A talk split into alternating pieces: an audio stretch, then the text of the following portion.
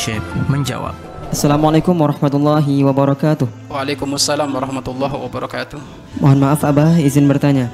Apakah termasuk ria jika kita sedekah memberitahu anak dengan berharap apabila nanti anak dewasa bisa menjadi orang dermawan? Karena saya pernah mendengar apabila tangan kanan memberi maka tangan kiri tidak boleh mengetahui. Mohon penjelasannya Abah, syukron. Jika dia menjadi public figure, orang yang ditokohkan penting memberikan contoh di dalam kebaikan. Tetapi hatimu tidak boleh berubah.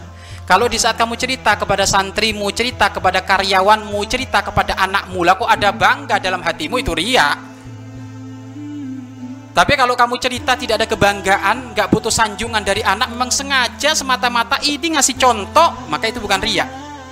Jadi kadar riak dan tidaknya itu ya memang hatimu sendiri Loh kamu di saat kamu cerita itu berbinar-binar Masya Allah Umi memang ahli sedekah ya infak ya Umi semakin soleha. Loh kalau kayak gitu bangga ya itu ria Seneng dengan sanjungan ya itu ri, ria ya.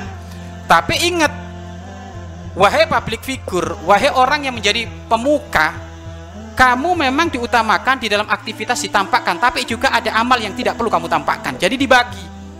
Amal itu kan 100% contoh 100% mungkin yang kamu tampakkan 25% 30% 70% nya khusus kamu dengan Allah saja.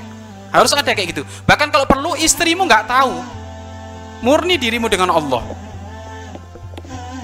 Eh ikhlas seperti itu. Tapi tetap juga harus dikasih tahu. Ya ya tadi itu. Infak hari Jumat karena dia seorang ustadz kiai infak 10 ribu. Tapi yang nggak kelihatan satu juta. Nah ini jadi harus seperti itu 10 ribu ini hanya contoh saja.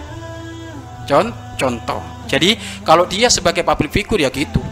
Jangan sampai ya tadi itu karyawannya nggak pernah kelihatan dia bosnya melakukan kebaikan atau orang tua eh, anaknya nggak pernah tahu kalau orang tuanya berlaku kebaikan. Jangan.